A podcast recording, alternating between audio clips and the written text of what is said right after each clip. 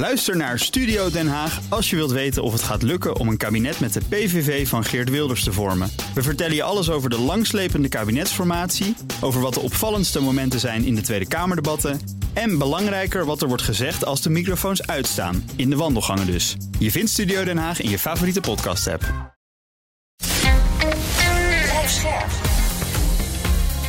BNR Nieuwsradio. Extra nieuwsuitzending. Hugo Reitsma. Muiterij in Rusland. De Wagner-militie keert zich tegen het leger. Huurlingen hebben de Russische stad Rostov-aan-de-Don ingenomen en trekken op naar Moskou. Het is zaterdagmiddag, 2 over 5 en dit is een extra uitzending van BNR Nieuwsradio. Met de gast, buitenlandcommentator Bernard Hammelburg. We hebben contact met oud-generaal en commandant landstrijdkrachten Marten Kruijf. Hopen nog contact te krijgen met Joost Bosman, onze Rusland-correspondent. Later Frans Ozinga, hoogleraar oorlogsstudies. En natuurlijk Boekestein en de Wijk voor de laatste informatie en duiding over de situatie in Rusland en Oekraïne. Maar we beginnen met collega Maxime met voor de mensen die niet sinds gisteravond aan een scherm zitten geplakt, wat er tot nu toe is gebeurd. Ja, de Wagnergroep is bezig met wat zij zelf noemen een mars voor rechtvaardigheid. Dat volgt op uh, gebeurtenissen van gisteravond. De Wagnergroep zou zijn beschoten met een raket die volgens Wagnerbaas Yevgeny Prigozhin onder bevel van de Russische defensieminister op hen is afgevuurd. Rusland noemt de mars van de huurlingen muiterij. Het huurlingenleger heeft onder leiding van Prigozhin de stad Rostov aan de Don bezet. Dat is een Zuid-Russische stad net over de grens bij Mariupol. Ook wordt er gevochten in Voronezh. 500 kilometer noordelijker, halverwege de weg naar Moskou. En ook daarboven in de provincie Lipetsk zijn huurlingen van de Wagnergroep afgelopen uur gesignaleerd en wordt aan burgers geadviseerd om binnen te blijven. De Wagnergroep is naar alle waarschijnlijkheid onderweg naar Moskou. Naar eigen zeggen hebben ze 25.000 huurlingen op de been gebracht.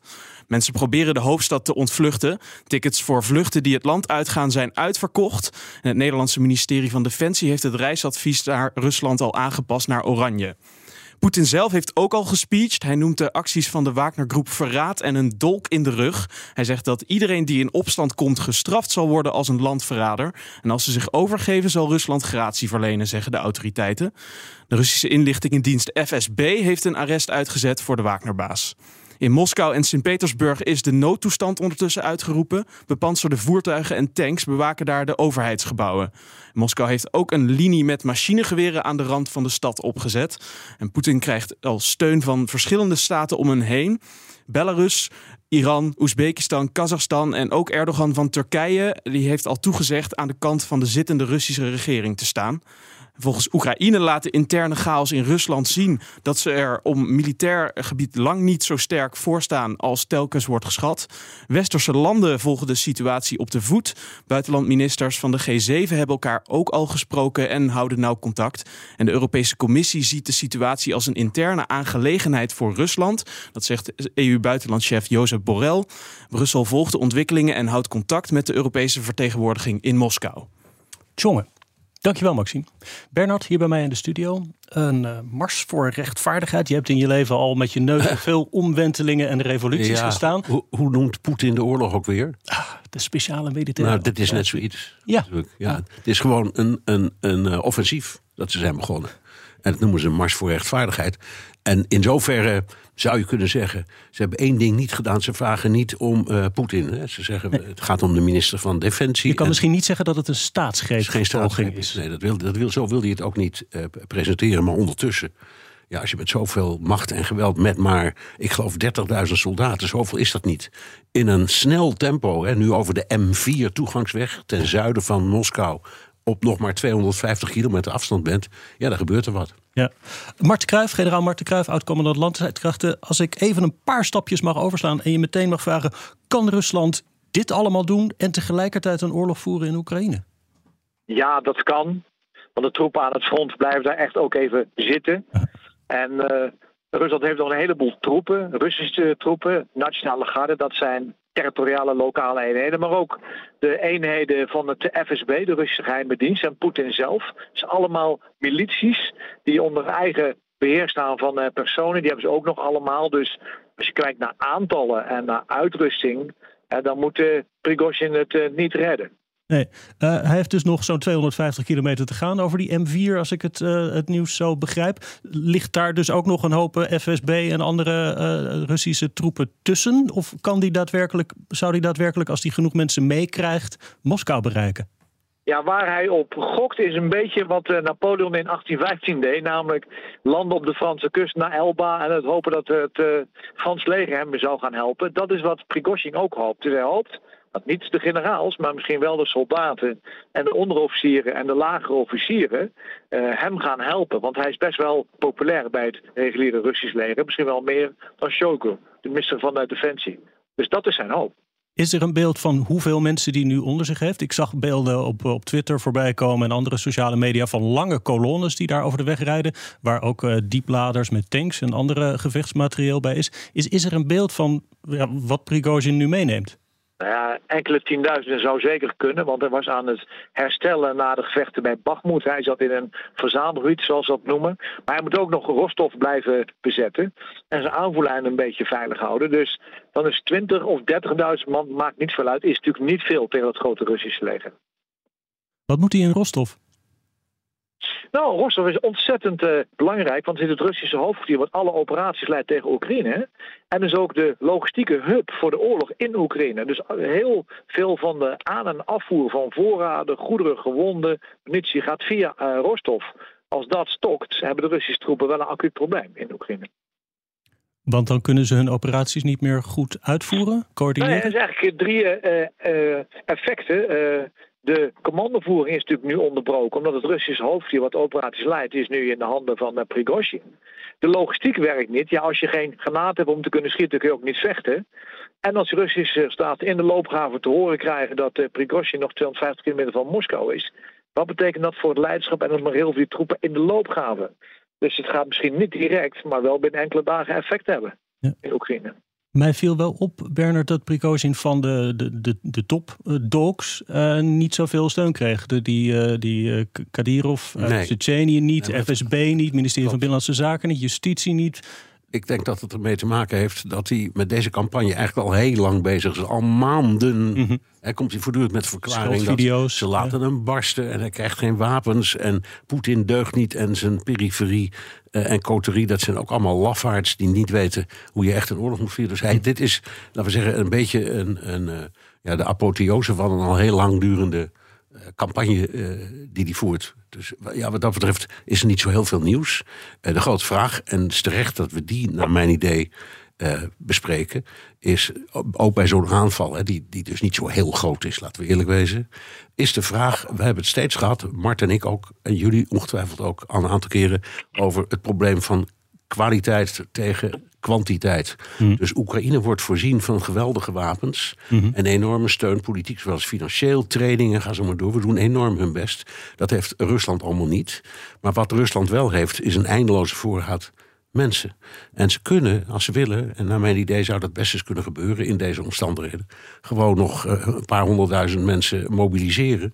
En of die nu goed opgeleid of niet, dat kan ze niet zo heel veel schelen. Het is tijd en het zijn mensen en die kun je opofferen en hupsakee. Ook met wat minder kwalitatieve wapens, want die hebben de Russen. Ja, maar je kan Russen mobiliseren om in Oekraïne te gaan vechten, maar niet om in Rusland tegen Wagner te gaan vechten. Nee, dat, dat wordt een beetje ingewikkeld. Ja, dat is, wordt inderdaad heel ingewikkeld. Ja, ja, dat weet ik. Ik weet niet hoe het, hoe het opgelost. Het kan ook zijn dat ze proberen om dat, bij wijze van spreken, te isoleren, dat gebied. Hè, daar omheen versterkingen te leggen. Hmm. Of als dat kan. Uh, Mart weet dat, ik weet dat niet precies. Maar volgens mij zou dat kunnen. Dan sluit je ze als het ware in. En dan zitten ze daar wel, maar ze kunnen niet zo heel veel. Dat zou een optie zijn. Hmm. Mart, hoe, hoe zie jij de, de mogelijkheden hier? Ja, je moet je voorstellen dat hij eigenlijk binnen een dag van Amsterdam naar Parijs is uh, gereden. Met een paar tienduizend mensen. Ja. Dat doe je niet zomaar. Hè. Dat bereid je voor. Want je moet voorraden hebben, je moet brandstof hebben, je moet logistiek hebben, je moet herstel hebben. Het is niet zo dat een schijnbare raketaanval hiertoe heeft geleid. Dit is van Prigozhin gewoon een, een voorbereide operatie. En het verbaast me dat als je maar over één weg oprukt, over die M4, dat je dan in zo'n korte tijd zo snel voortgang kunt maken. Dus de cruciale vraag is inderdaad, ja, de Russische leiders zijn natuurlijk allemaal op uh, Poetins hand, ze zijn ook door uh, benoemd. Mm -hmm. Maar de vraag is, wat gaat het reguliere Russische leger doen? Wat gaan de soldaten doen die daaronder vallen? En er zijn al geruchten van de luchtlandingsbrigade, dat zijn elite-troepen, die hebben geweigerd om de wapens op te nemen mm -hmm. tegen Prigozhin. Ja, dat gaan we de komende uren en dagen zien, wat daar het effect van uh, kan zijn. Maar je ziet toch wel, in Moskou. En er zal bijna denk ik ook nog wel enige lichte paniek uh, dat Poetin gelijk op de buis komt. Dat is wel heel opvallend. Ja, en ook al het binnenlandse verhaal dat daar in de media is, waar is hij? Is hij in het Kremlin of is hij met, met zijn privévliegtuig naar het noordoosten, geloof ik, gegaan? Er waren berichten van, maar waar, ja, waar die, en, en, en, op Flightradar 24 kun je toestel zien. Op een bepaald moment is het weg. Dus dan is hij.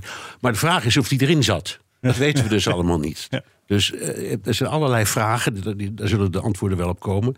Mijn idee is als, als Poetin het lef heeft, dan blijft hij gewoon op het Kremlin en probeert zijn rol als opperbevelhebber, want dat is hij, terug te nemen. Ja, die, die heeft hij op zich nog wel. Hè? Ja, hij is nog steeds opperbevelhebber. en hij heeft ook duidelijk nog een soort chain of command. Van, uh, de, Constitutioneel is hij de opperbevelhebber. Dus hij heeft het voor het zeggen. En de, de, de generaals die, die staan nog achter hem, voor zover ik heb gezien. Eh, ik ook, voor zover ik heb gezien. Dat, zijn, dat is een van die vragen waar we geen van allen, als we er naar kijken, echt de vingers achter kunnen krijgen. We weten niet hoe groot de steun is uh, voor Poetin.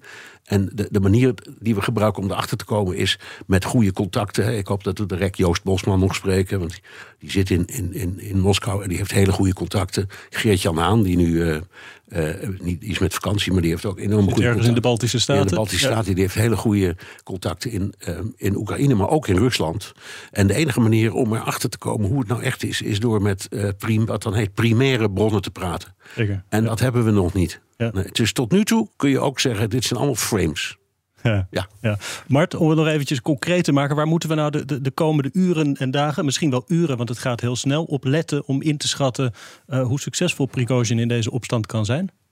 Ja, ik denk uren. Ik denk echt wel over uren praten. Kijk, als uh, zijn opmars tot stand uh, komt, tot stilstand komt, ja, uh, dan gaat hij de vaart met de mensen die hij heeft er niet meer inkrijgen. Hij, hij moet voortgang boeken en dat kan alleen maar als uh, Russische eenheden hem daar ook aan meewerken. Uh, dus dat gaat cruciaal worden. misschien is het goed om ook even te duiden dat dat niet direct leidt tot een ander offensief van Oekraïne. Hè. Dat offensief waar ze gaan aanvallen, dat staat eigenlijk al dagen of weken vast. Dan moet je voorbereiden tot aan de puntjes. Alleen de kans dat het offensief nu gaat slagen, omdat natuurlijk ook de Russische loopgave twijfel nu is, mhm. ja, dat is natuurlijk wel groter eh, geworden. Maar het is niet zo dat Oekraïne plots een andere kant op gaat. Is wel gunstig voor het offensief. Dat gaan we ook wel de komende dagen zien. Daarover gesproken komt trouwens nu bericht binnen dat Kiev meldt uh, gebied te hebben bevrijd bij de City Krasno-Rivka in de, de Donetsk-regio. Dus misschien weten ze op deze manier toch nog gebruik te maken van de ontstaande situatie, zo, zolang die zo onduidelijk blijft. Marten Kruijf, oud-commandant der landstrijdkrachten, dank voor je bijdrage. Dit is een extra uitzending in verband met de ontwikkelingen in Rusland en Oekraïne. Het huurlingenleger, de Wagnergroep, vecht niet langer tegen Oekraïne, maar tegen Rusland zelf. Over een kwartier om half zes praat ik met Arend-Jan Boekestein en Rob de Wijk. Nu hier Bernard Hammelburg. En wij hebben zo geloof ik ook contact met Frans Ozinga. Er wordt nog eventjes naar gekeken. Um, Oh, we hebben Frans Ozinga. Het wordt heel vrolijk. Ja, geknikt. Ja, hoor. Hoogleraar oorlogsstudies, Commodore Ozinga. Welkom in de uitzending. Ja, de Commodore is voorbij. Sinds 1 maart zit ik niet meer bij Defensie. Oh, ex-Commodore. Staat genoteerd. Waar zit u naar, naar te kijken op dit moment? Want de ontwikkelingen gaan zo snel. Dat gaat ontzettend snel. Uh, en je merkt dat analisten echt uh, alle kleine stukjes informatie bij elkaar proberen te schrapen. Een aantal analisten weten in ieder geval al er bovenuit te stijgen en uh, dit een beetje te nuanceren en een context te plaatsen. En dan is de vraag van waar kijken we inderdaad naar? Uh, net zoals zoveel zeggen van is dit nou de, de voorbode van een burgeroorlog? Is dit alleen maar een muiterij? Is dit een koep? Nou, dan krijg je inderdaad analyse daarover. Uh, Civil War, een, burgeroorlog, daar is het gewoon te vroeg voor.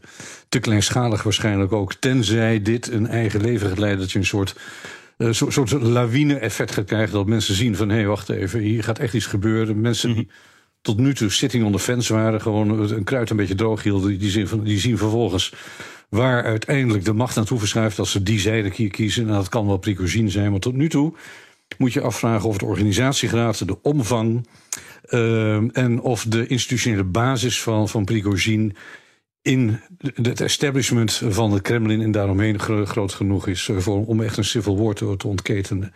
Een koep, dat is ook zoiets. Uh, een koep vindt meestal plaats door vertrouwelingen rond de zittende leiders. Hm. En dat lijkt niet het geval. Prigozhin stond er juist een beetje buiten. Sterker nog, hij was de grote rivaal van het establishment. Het establishment in dit geval het ministerie van, van Defensie.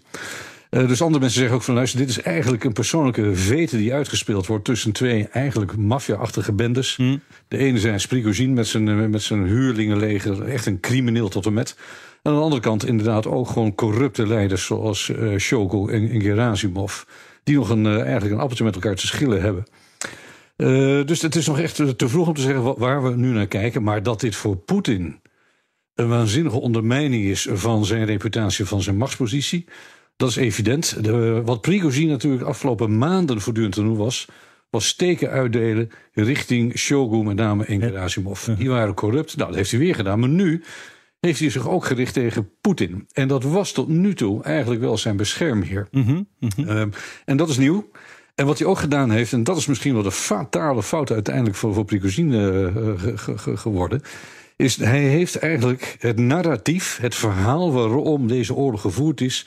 Wat Poetin voortdurend geroeptoeterd heeft, dat, is, dat heeft hij ondermijnd. Door ja. te zeggen: luister, dit is niet meer dan gewoon een hebzuchtige aanval geweest van een aantal criminele, corrupte leiders. Inclusief Poetin. Dit had niks te maken met machtspolitiek, niks te maken met de Russische eenwording of iets dergelijks. Dit is puur hebzucht, uh. Nou, en dat is natuurlijk een enorme steek richting ja. het narratief ja. van, uh, van, van Poetin. Ja. En dat is nieuw. Hij heeft ook gezegd: uh, het gaat helemaal niet goed, die oorlog in Oekraïne. Zou het kunnen dat hij daar beter zicht op heeft dan wij? Dat, dat we dat soort informatie serieus moeten nemen van hem? Nou, ik denk dat in ieder geval wij beter zicht hebben samen met hem dan Poetin zelf. Ja. Uh, die heeft vorige week ook laten weten dat hij eigenlijk bepaalde berichten wel voor het eerst hoorde over het aantal grote aantal slachtoffers. Kijk, maar we moeten wat dat betreft ook niet te veel hoop vestigen op Prigozhin. Uh, so, sowieso is de kans uh, niet heel groot dat het daadwerkelijk gelukt is zoals het er nu uitziet. Maar bovendien, mocht hij wel aan de macht komen, hij is wel degene die voortdurend het ultranationalisme voortdurend heeft aangewakkerd en gero heeft geroepen op om, om escalatie om een keer daadwerkelijk serieus oorlogen te gaan voeren. Hij heeft voortdurend geroepen, geef me nou eindelijk eens een keertje echte goede wapens en munitie, zodat ik een keertje fatsoenlijk oorlog kan voeren. Mhm. Mm -hmm. En dat was een, was een van zijn kritiek ook voortdurend richting uh, Shogun Gerasimov. Van jongens, jullie vechten niet echt oorlog, kom op. Dus hij speelde voortdurend ook uh, de, de bal van de ultranationalisten op de social media terug naar Gerasimov en, en Shogun. Nou, dus in die zin, nu lijkt het op dat het gunstig is voor Oekraïne. Maar mocht deze man daadwerkelijk aan de macht komen. Ja. Wat ik niet, nog niet echt waarschijnlijk uh, acht. Ja, dan, dan is, zit daarachter een roep om verdere escalatie. Mm, ja, Bernard, dit is misschien toch niet. Ja, in eerste instantie zou je denken: dit is het beste dat er zou kunnen ja, gebeuren. Ja, dat, nou, dat, dat, weet ik niet. Rusland intern begint te kraken. Ja, wel, maar... dat, dat, zou best kunnen. Maar dan, als je kijkt naar de coterie rondom uh, Poetin, dat geeft ook niet zoveel vertrouwen. En over het aantal soldaten. Ik moet steeds denken vandaag aan de Russische revolutie van 1917. Toen uh, het Tsaar werd afgezet en het communisme werd ingevoerd. Dat is voorbereid door een heel klein groepje rondom Lenin. Misschien een paar honderd of een paar duizend man. Dat was niet een hele grote. Daarna wel. Maar, ja. En, en Poetin kent de Russische geschiedenis. Die, die zal wat dat betreft extra benauwd zijn voor wat zich nu uh, voltrekt. Ja, mee eens. Je ziet ook dat uh, Poetin in zijn toespraak, was dat vannacht of uh, ja, vannacht was dat, dat hij dit eigenlijk als een, door inderdaad te refereren naar 1917, expliciet, heel merkwaardig, dat hij dit beschouwt als een existentiële dreiging. En dat maakt het ook best wel instabiel. Uh, want dan kunnen gekke dingen gebeuren, dat weten we ook. Dat ook hun nucleaire doctrine bijvoorbeeld beschrijft dat nucleaire wapens in beeld komen als het regime Kremlin daadwerkelijk bedreigd wordt. Uh, dus dit, dit, is een hele volatiele, onzekere periode. Uh, die gunstig nu is voor Oekraïne. En Marten Kruijf had daar ook al over. Maar tegelijkertijd is het. De, de, de vraag die nu aan het front natuurlijk boven de markt hangt is: wat, hoe loyaal zijn de commandanten nog? Mm. Hoe loyaal zijn de eenheden? Zijn ze überhaupt op de hoogte wat daar gebeurt bij Rostov? De afstanden zijn gigantisch. Mm. Ik vermoed dat de eenheden aan het front in de loopgraven momenteel niet echt geen toegang hebben tot, uh, tot, tot, tot informatiebronnen. Maar daarboven hangt natuurlijk wel de vraag: hoe loyaal zijn de, de, eenheden nog aan het front? Die waren al behoorlijk gedemoraliseerd op sommige gebieden. Mm -hmm. Het leiderschap was al niet sterk. Dat werd al beticht van, van corruptie en slechte leiderschap. We zaten, zagen die barrier troops. Hè. Daar waar troepen zich terug wilden trekken uit de, de frontlinie, werden ze soms beschoten door Russische eenheden. Die daar expres waren neergezet om die eenheden te dwingen toch echt wel vooruit te, te, te gaan. Dus dat is de vraag. Dat hebben we in Irak in 2003 ook gezien. En ook in 1991. Dat daar waar de commandanten uiteindelijk elkaar ook niet meer vertrouwden van hé, hey, ben jij nog loyaal of niet? eh, dat uiteindelijk het front redelijk snel kan instorten. Maar het is nog veel te vroeg om dat te zeggen. En je hoort ook eh, berichten nu dat als je nu kijkt naar de Russische activiteit aan het front, dat daar nog geen verandering in heeft plaatsgevonden. Vandaar ook dat Oekraïne waarschijnlijk een beetje terughoudend is om nu al te zeggen van kijk eens, daar is een zwakke plek, daar is een zwakke plek ontstaan. Gisteren hoorden we, of eergisteren hoorden we ook de be- opperbevelhebber van de Oekraïnse krijgsmachten daar eh, in het zuiden het front zeggen: luister, onze plannen zijn tot in detail uitgewerkt. Ehm, maar je hebt niet zomaar een brigade 20 kilometer de andere kant op eh, gestuurd. Dus ook zij zullen nog beducht zijn eh, voor, de, voor, ja, voor daadwerkelijk ontwikkelingen. Doorgaan met de verkenningsoperaties. De hoofdmacht is nog, nog niet gecommitteerd. Maar wellicht heeft hun wel, dit wel een adempauze. En dan zullen we zien dat sommige eenheden inderdaad aan de frontlinies. En misschien niet zullen deserteren, maar misschien uiteindelijk weigeren eh, te, ja, de wapens op te pakken. En misschien inderdaad gewoon zeggen, pa- zich passief zullen opstellen. Ja, ik meld nog eventjes twee eh, interessante punten die ik voorbij zie komen. Eh, de burgemeester van Moskou kondigt een anti-terrorist regime aan in de stad. Een soort, soort noodsituatie, moet ik me daar denk ik bij voorstellen. En Medvedev, oud-premier en president, eh, zegt te vrezen dat nucleaire wapens in handen van Wagner zullen vallen. Ja, nou zegt hij dat bij elke gelegenheid. Dus, dat, dat- Medvedev is een maakt beetje het niet een- minder eng hoor, maar, maar Hm. toch, hij zegt dat wel heel vaak. Ehm, en eh, ja, dat ze ehm, zich zorgen maken in Moskou, dat ligt voor de hand.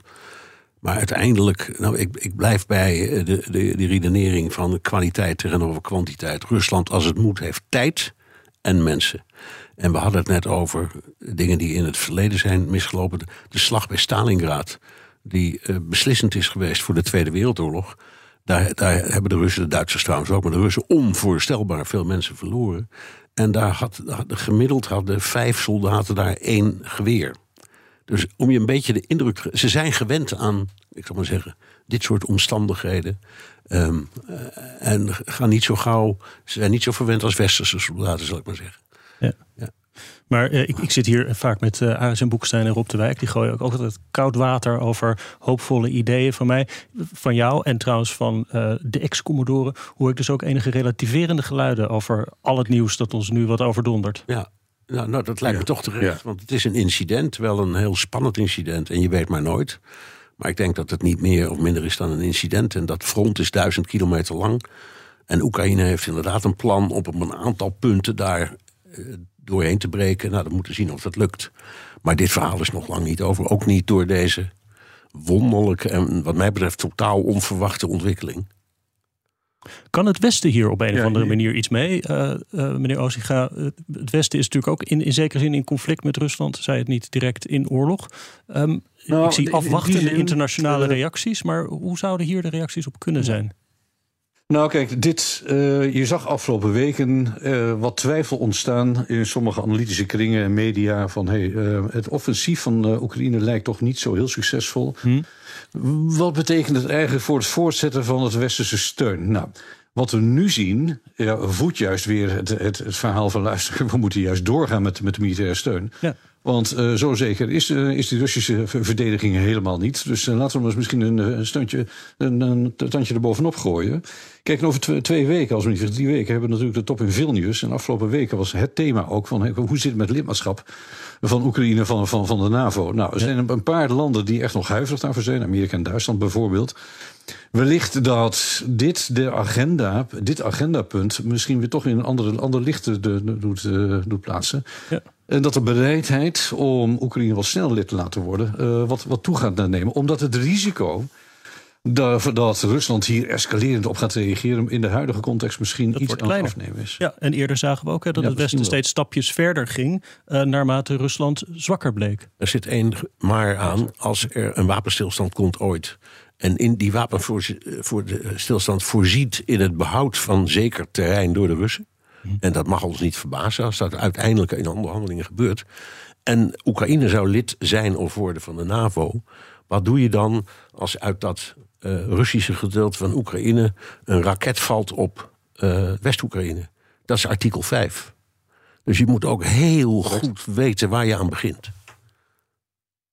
Hebben we een beeld van... Eh, ja. Zeg maar. Nee, nee, co- co- co- Ehm, aan de andere kant geef je Poetin of zijn opvolger daarmee wel een veto over het lidmaatschap, het toekomstige lidmaatschap van Oekraïne aan van, bij de NAVO.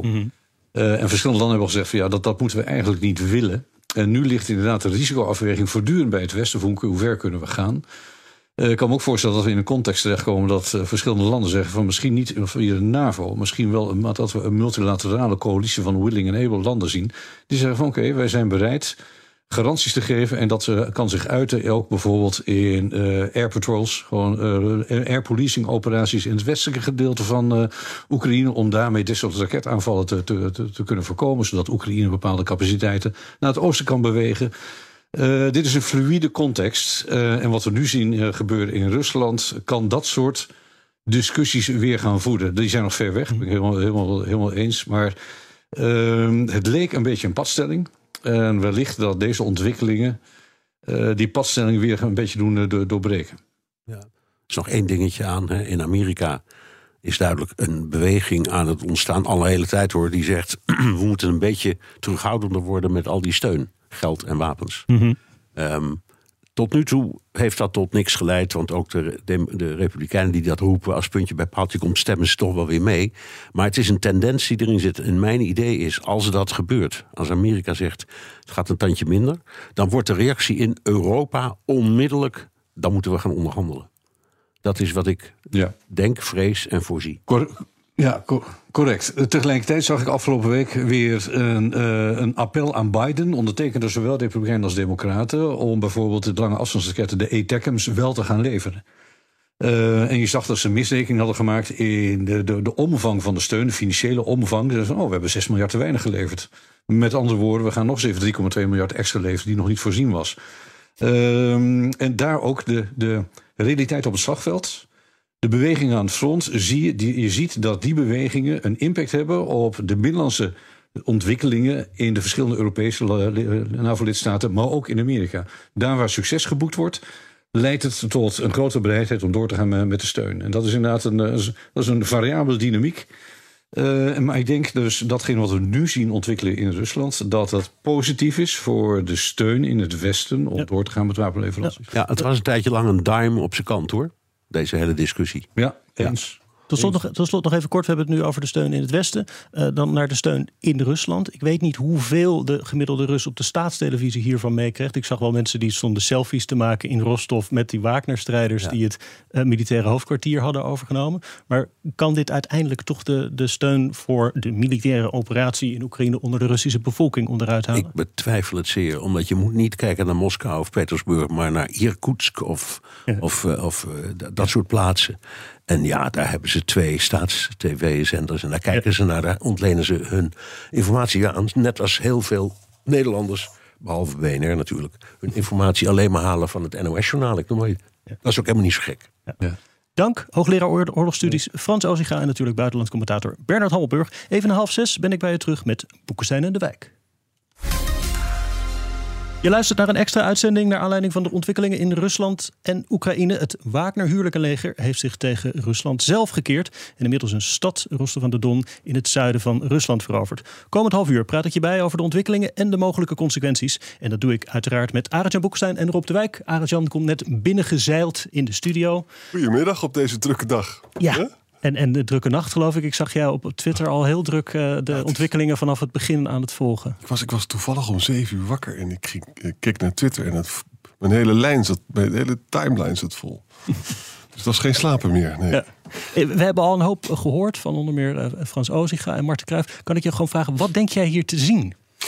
Nou kijk, we weten natuurlijk nog te weinig. Hè? Altijd even deze caveat. Maar wat ik interessant vind is dat... Uh, de cruciale vraag is: gaan de gewone soldaten straks toch mee. Dat is eigenlijk de enige kans van Prigozhin. Dat weten we nu nog niet. Wat we wel weten, hij heeft waarschijnlijk geen 25.000 man, zegt Mark Caliotti. Dus dat is toch wel, is gewoon te weinig. 25.000 ook te weinig. Maar wat we ook weten, is dat in Rostov zat hij gezellig te praten met de onderminister van Defensie. Dat is een hoge jongen. Hm meneer Androvejev. En het werd zelfs uitgezonden. Hè, van ja, dat wist ik allemaal niet en zo. Dus, dus met andere woorden, daar had natuurlijk ook gelijk als schermutselen kunnen. Maar dat deed niet. De lokale politie deed ook niks. Dus dan, dat is toch al merkwaardig. Hè?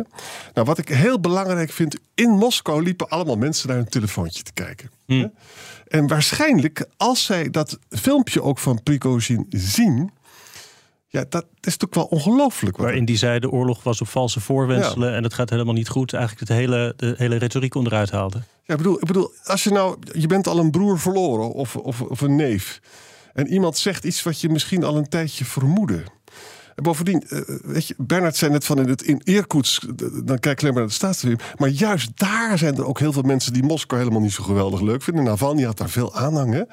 Dus die, die mensen, en die bovendien ook veel mensen verloren zijn. Want er zijn veel mensen daar vandaan ook. eh, eh, eh, dus die, als dat filmpje werkelijk verspreid zou worden, dan kan dat nog wel eens wat betekenen. Denk je niet dat mensen zeggen van, oh, is, is dat waar? Is, is dat... Want hij zei namelijk letterlijk van, eigenlijk wilde gewoon Gerasimov en ook uh, uh, wilde eigenlijk gewoon geld verdienen daar. Dat zei hij, hè? Gewoon, en, en zakken vullen. Nou, daar zijn de Russen wel gevoelig voor. voor dat soort, Want ze weten hoe corrupt het land natuurlijk is. Hè? Ja. Nou, verder wat ik heel spannend vind. De Wall Street Journal zei vanmiddag al dat er twee regeringsvliegtuigen zijn gevlogen van Moskou naar Sint-Petersburg. Ze suggereerden dat misschien Poetin daarin in zat. Ik weet niet of dat waar is. Hè? Nou, de impact op, de, op het front is natuurlijk belangrijk. Het nare is, die mijnen liggen daar gewoon nog steeds. En die mijnen die komen zelden in opstand. En dat blijft dus gewoon heel moeilijk om daar uh, voortgang te maken. Dan moet je echt netjes met die Bradley-voertuigen moet je dan ja. ontmijnen. Dat lijkt me geen grappige punt. Maar ja, het is wel zo. Ja, dat zei Caliotti ook van.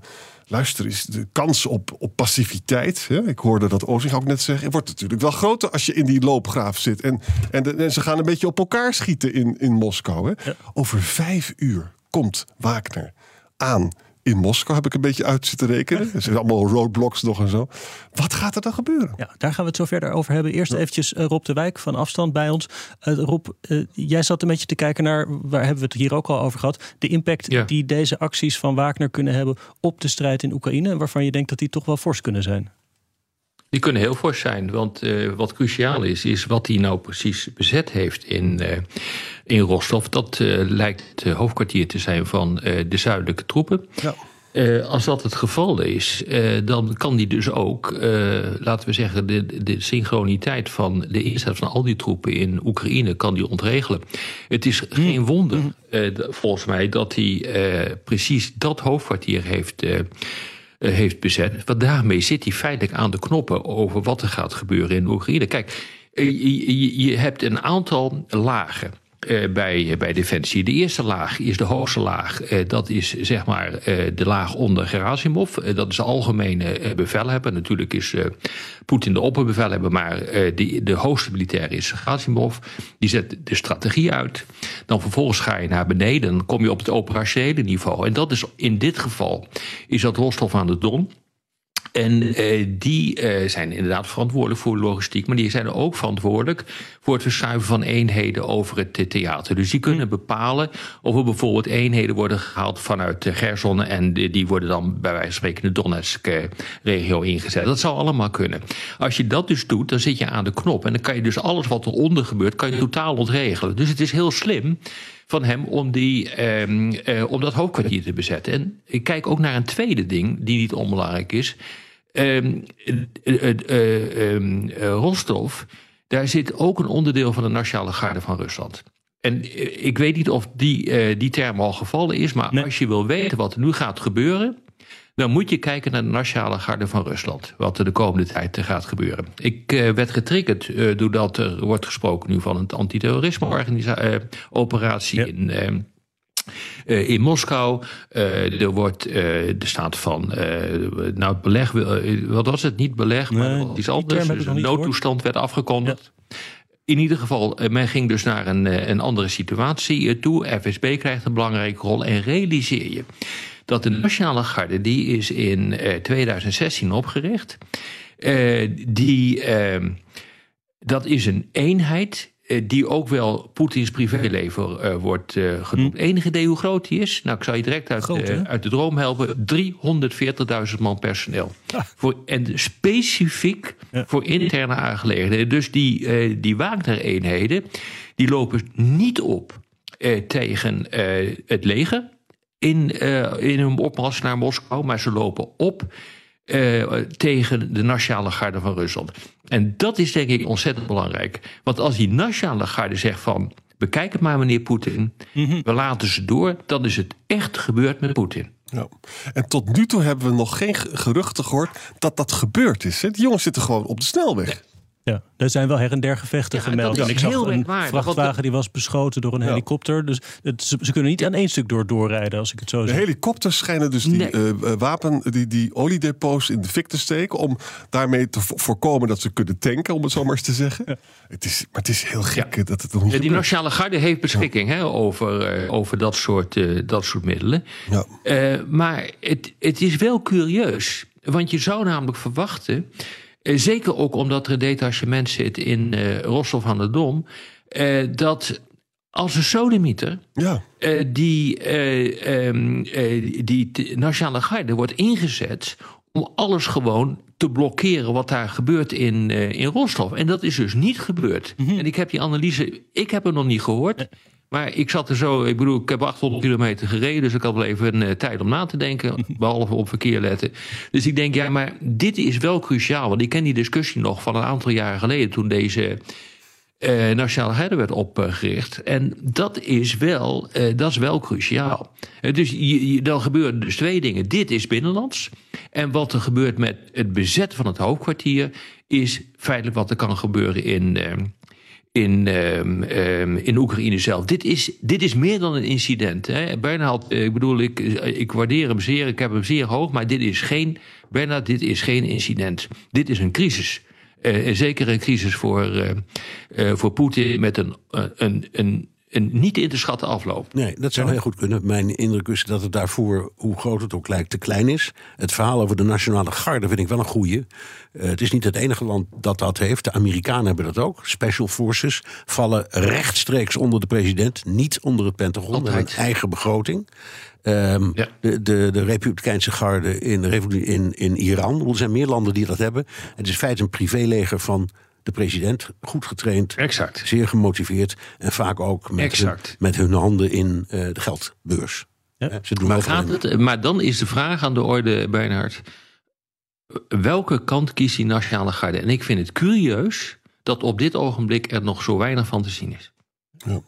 Ik denk wel dat er roadblocks voor Moskou komen hoor. En dat ook Moskou wordt afgesloten. Maar ja, wie ben ik? Hoe zou dat kunnen gaan? Stel, hij heeft dat, dat laatste stukje, rijdt hij nog door. Hij komt aan de, aan de poorten van Moskou. Of nee, dat heeft dan geen poorten. Eh, Er wel een paar bruggen geloof ik die hij dan nog over moet.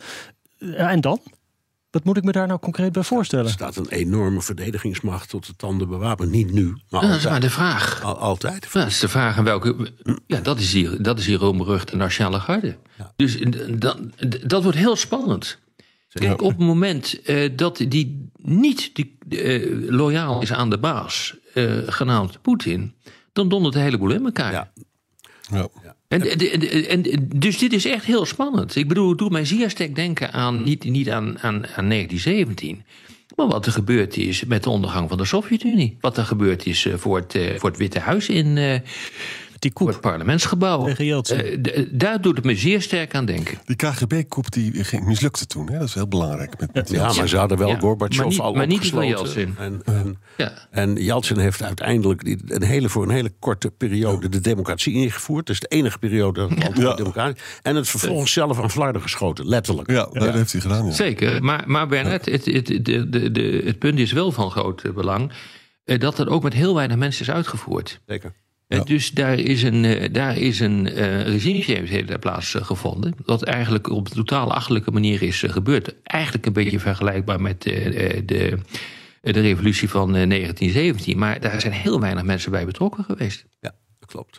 Veel Dus op een gegeven moment weet je. Dat, kijk, kijk, dit is een, een, een illiberal democracy. Dus een autoritaire democratie. Dus je, je kiest een sterke man. Ja. Daarvan weten we dat die als staatsvorm het minst stabiel zijn van alle staatsvormen die we hebben. Als je Ja. dus een regelrechte dictator hebt, die kan gewoon echt alles doen wat hij eh, wat hij wil. Eh, heb je een democratie, dan wordt er oeverloos eh, gepraat. En dan gebeurt er ook niet zoveel. Maar een liberal democratie, op het moment dat de leider in twijfel wordt getrokken, zijn legitimiteit begint te, ve- eh, te, te verliezen. Nou, dan, dan, dan statistisch gezien is het dan het vaakst gebeurd met een regime. Ja. Kijk, veel hangt er vanaf of mensen gaan een knopen tellen. Weet je nog die Nariskin die tot op het bot werd vernederd uh, voor het oog van de wereld? Hè? Uitlandse veiligheid. Die heeft dus vanmiddag gezegd via TAS, nou, ik steun Poetin hoor. Ik steun. Dus die heeft zijn knopen geteld. Die man heeft ook trouwens miljoenen in zijn bezitten. Dus dat heeft, het geldt voor Gerasimov ook, gaat voor Shoku ook. Nou, maar die Nationale Garde wordt ongetwijfeld goed betaald. Maar het zijn er wel 340.000.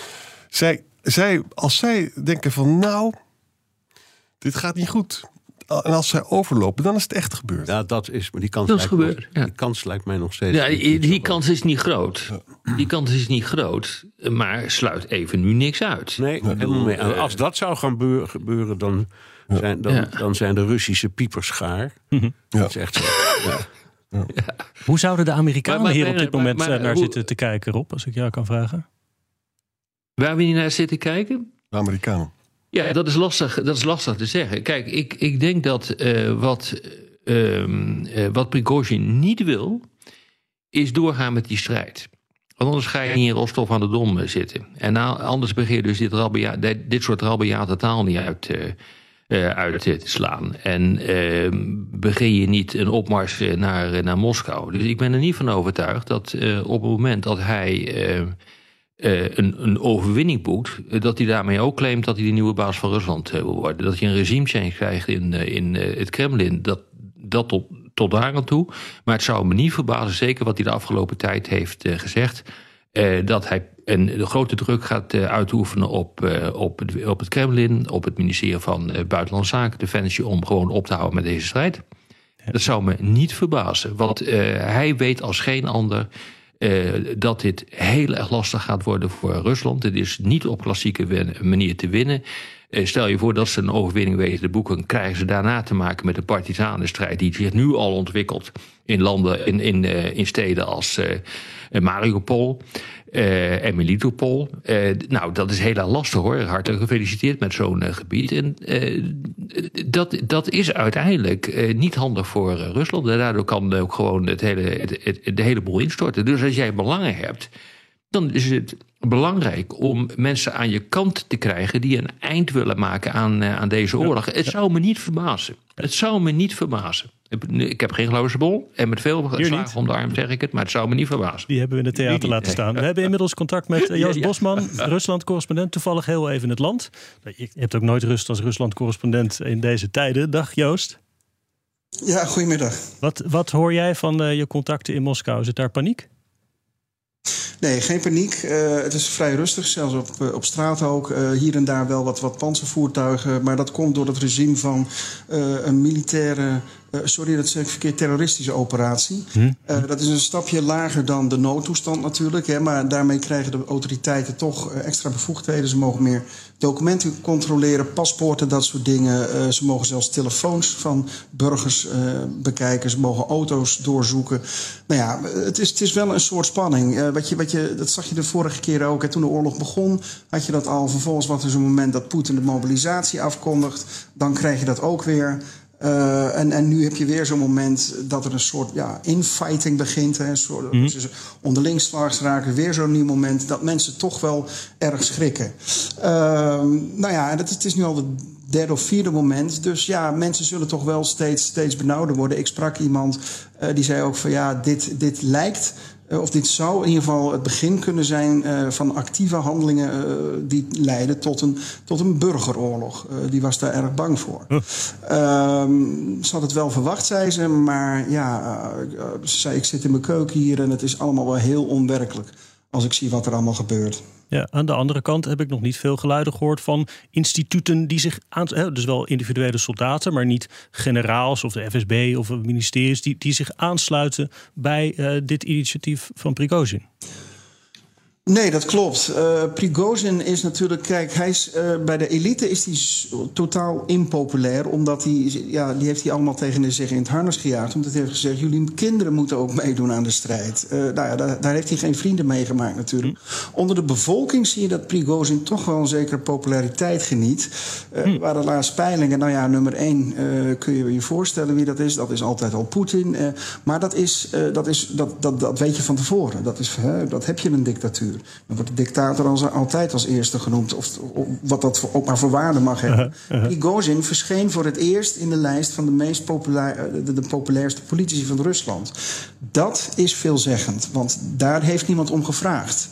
dus als mensen hem noemen, terwijl hij niet eens een politicus is, dan betekent dat toch dat hij zeker uh, kan bogen op een zekere populariteit onder de bevolking. Uh, het enige wat, wat, wat Prigozhin wel als tegenslag heeft gehad... is vandaag dat zijn grote kameraad, zijn, zijn bondgenoot... Uh, Sergei Surevikin, ja. die, die generaal die uh, op enig moment in, in vorig jaar, eind vorig jaar...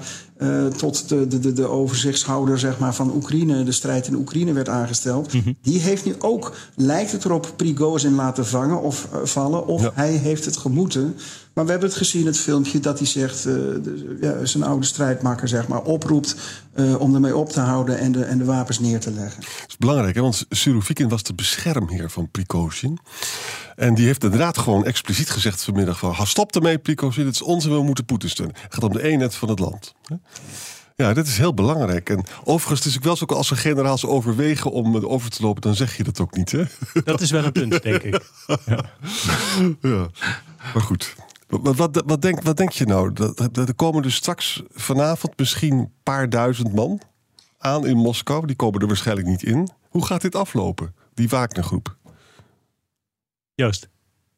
Oh, sorry, dat is Ja, aan mij. ja. Nou ja, de, de vraag is natuurlijk of, of, of Wagner inderdaad erin slaagt om, om, om met, met al zijn 25.000 man op een gegeven moment op te rukken naar, naar, naar Moskou. Hoe zie je dat voor je? Hè? Gaan ze dan inderdaad met tanks en, en, en...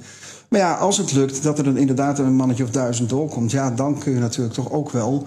eh, zeker als ze al te dicht bij Moskou komen... dan kun je toch, toch schermutselingen krijgen. En ja, Maar, maar, misschien dat? nog even het wat. begin van een burgeroorlog? daar- daar- ja. Hm, Rob? Nee, eh, Misschien daar een opmerking over. Kijk, weet je, eh, ik hoorde Martin Kruijf net terecht eh, zeggen... van dit bereid je voor, dit doe je niet zomaar. Ik bedoel, ik ben vannacht, eh, vanochtend even naar eh, Frankrijk gereden. Ik bedoel, dat kan ik gewoon zo doen. Dat is geen probleem. Maar met een aantal duizenden mensen eh, naar Moskou oprukken... dan moet je logistiek ook een beetje eh, voor elkaar eh, krijgen. En Zo'n zo'n Rostov aan de Don, zo'n hoofdkwartier bezetten... dat moet je ook goed voorbereiden. Anders lukt dat gewoon. Het is gewoon een militaire operatie. Je kan mij niet wijsmaken dat hij al deze overwegingen die, die wij nu hebben. Eh, waarbij wij ons afvragen van, eh, oké, wordt hij nou met eh vlaggetjes en toeters ontvangen bij de stadspoorten van Moskou? Daar moet hij natuurlijk gewoon over na hebben gedacht. Dat kan niet anders. Hij moet natuurlijk ook zijn knopen hebben geteld en hij moet weten wie aan zijn kant staat. Anders doe je dit gewoon niet. Of zie ik dit nou echt verkeerd? Nee, is dit nou totaal naïef? En, en Rostov was er geen slag of stoot. Hè? Hij kon gewoon gezellig met de onderminister van ik Defensie gaan Mhm. Nee, dat bedoel ik maar, Arend Jan. Dus ik bedoel, dit is gewoon voorbereid. Er zijn wat telefoontjes gepleegd. Eh, de, eh, eh, hij heeft ingecalculeerd dat een aantal eh, mensen gewoon voor hem gaan eh, kiezen. En vandaar, nou, ik ben heel benieuwd wat, eh, wat de baas van de Nationale Garde gaat doen. Ja, Joost, ik begreep dat jij eh, zo even door moet. Dus ik bedank je hartelijk dat we je nog eventjes in de uitzending mogen krijgen. Joost Bosman, Rusland-correspondent. En ik wil proberen even een stap verder te kijken. We weten natuurlijk niet wat, er, wat er bij Moskou gaat gebeuren. Maar dit kan toch niet anders dan het, het Poetin-regime enorm verzwakken? Nou, kijk, weet je, tot nu toe was Poetin er een meester in om mensen tegen elkaar uit te spelen. Hè? Hij, hij, hij zei letterlijk ook. Hij had ook een meeting met Shogu en Prigozhin een paar maanden geleden. Jongens, doe eens wat aardiger tegen elkaar. Hè? Nu kan dat niet meer. Nu heeft Poetin gekozen tegen Prigozhin. Dus die flexibiliteit is eruit. Hij is nu getrouwd met Shogu en Gerasimov. Met ook alle problemen van die jongens. Want die jongens doen het eigenlijk helemaal niet zo goed. En dat vond Poetin zelf eigenlijk ook dat ze het niet zo goed deden. En had dus ook Prigozhin nodig. Bij Bachmoed, dan gaan ze maar door. Nee, hoe je het ook wendt of draait. Dit tast de legitimiteit van Poetins regime aan. Omdat toch sommige mensen toch naar dat filmpje gaan kijken. En horen dat er vier keer meer slachtoffers zijn gevallen. Dan, eh, dan Poetin ons vertelt. En ook misschien nog wel zo is dat het gewoon een beetje een corruptie toevoegt. Dat het helemaal niet zo was dat de NATO van plan was om Rusland aan te vallen. Dat schijnt een verzinseltje te zijn. Dat zegt Prigozhin. Ja. En ik ben een man in de straat en ik vind Prigozhin vind ik een stoere man. Want die heeft heel hard gevochten met zijn jongens. Dus het is geen goed nieuws. ondermijn- ja, je, Arend Jan, ja, je je hebt helemaal gelijk. Dit is een ondermijning van de legitimiteit van de zittende leiders. Ja, absoluut. Eh, want het hele narratief wordt eh, onderuit geschoffeld. Ja, dan, ja. Dat, dat moet consequenties hebben op, uh, op termijn. Misschien niet nu, maar op termijn wel. Ja, het is in ieder geval wel zo dat als uh, hij erin slaagt met de Nationale Garde... om dus Prigozhin helemaal onschadelijk te maken op een hele effectieve manier... dan komt hij wel weer vrij sterk naar, uit naar voren natuurlijk. Want wie moet dan die opstand gaan leiden? Hmm. Ja, dat, dat zou kunnen, ja. ja. ja. Nou ja, en dat is dus van belang waar we naar aan het kijken zijn. Op de, tot nu toe zitten we niet te kijken naar een koep. Dat is denk ik heel erg lastig. Maar ik denk wel dat we eh, naar iets zitten te kijken waar enorme druk wordt uitgeoefend op de zittende regering om iets te doen. En de, nou is een grote vraag: wat is, wat is dat iets dan? Hmm. Is dat uh, rust bij de stukken, letterlijk en figuurlijk, uh, in Oekraïne? Dat zou me niet verbazen, naar, uh, naar wat uh, Prigozhin allemaal heeft gezegd. En we zitten interessant genoeg ook te kijken naar ongeveer de grootste gevangenisopstand die je maar uh, bedenken kan. een, groot deel. Want daar ja, komen ja, die jongens, maar een groot deel. vandaan. Ja. Zeker. Jazeker, daar komen ze vandaan dus, uh, in belangrijke mate. En daar is ook uh, de afgelopen tijd weer behoorlijk gerosseld. Dus je hebt, uh, je hebt te maken met militairen die we willen hoor. Ja, en, die, en die jongens die eruit gaan en teruggaan naar hun eigen dorpje... die die begaan er allemaal de meest vreselijke misdaden. Ook al van die leuke rapportjes. Hè? Ja. Bernard, wat zou jij doen als je Poetin was nu op dit moment en je overziet dit een beetje? Alles op alles zetten om te zorgen dat um, de legereenheden die ik kan bestieren en besturen, dat is de, de reguliere krijgsmacht en uh, de Republikeinse garde, dat ik die. Um, de Nationale Garde. Nationale garde nou, dat, ja, ik, maar, dat, ik, dat, ik, dat ik uh, zo onder druk zet dat ze hem toezeggen hem niet te laten vallen. Ik denk mhm. dat hij dan de klus klaart. De Nationale Garde moet hij dus eerst even bellen als ik erop zo hoor. Zal ik even snel belletje ja, aanwagen? Ja, maar, ik, denk het wel. Het, grote probleem, het grote probleem zit in de operationele aansturing uh, van alle eenheden in Oekraïne. Daar zit het grote probleem. Ja. Daar heeft Prigozhin wel van gezegd, ik laat dat allemaal doorgaan. Hè? Dat, ik, ik zit dat niet in de weg. Ik zorg er alleen voor dat ik geen raket op mijn kop krijg. Maar in Oekraïne kan gewoon worden doorgevoerd. Maar waarom ga je dan in uh, Rostov aan de Dom zitten? Ja. Waarom pak je dan een hoofdkwartier? Dat, vind ik, dat, is on, dat, is niet, dat kan je niet rijmen met elkaar. Als je dat doet, zit je aan de knoppen. Punt uit. En 250 kilometer van Moskou op de A4. Dat is ook ja. denk er maar eens over na. Weet je, Prigozhin heeft wel een probleem nog. Hij heeft een ontzettende ruzie gemaakt met de krijgsmacht en met Shoku. Hè? Het zou natuurlijk ontzettend leuk voor hem zijn... als er delen van die krijgsmacht achter uh, Prigozhin gaan staan. Hè? Maar die kans is niet zo groot, want die heeft hij zo beledigd op allerlei manieren. Shoku en Prigozhin zijn de grootste vijanden. Ik denk ook... Ja, maar er zijn geen effectieve leiders. Nee, het zijn geen effectieve leiders. Enorm, nee, dat is natuurlijk een enorm probleem. Dat zijn bureaucraten, apparatchiks uit... Uh, ja uit, uit, het, uh, uit Moskou. Uh, mensen die niet al te veel geverservaring hebben. Die, uh, die Shokoi, die zitten wel eh, ongelooflijk... Lang. Krijgsaftig uit. Maar schone brandweerman uit Siberië, hoor. Ja. Dit is het einde van een extra uitzending... naar aanleiding van de ontwikkelingen in Rusland en Oekraïne. Ik zeg dank voor het luisteren. Speciale dank aan Arend Boekstein, Rob de Wijk en Bernard Hammelburg. Ook Bas van Werven vind je in de BNR-app. Ja, je kunt live naar mij en Iwan luisteren tijdens de ochtendspits. Je krijgt een melding van Breaking News. En niet alleen onze podcast Ochtendnieuws, maar alle BNR-podcasts vind je in de app. Download nu de gratis BNR-app en blijf scherp.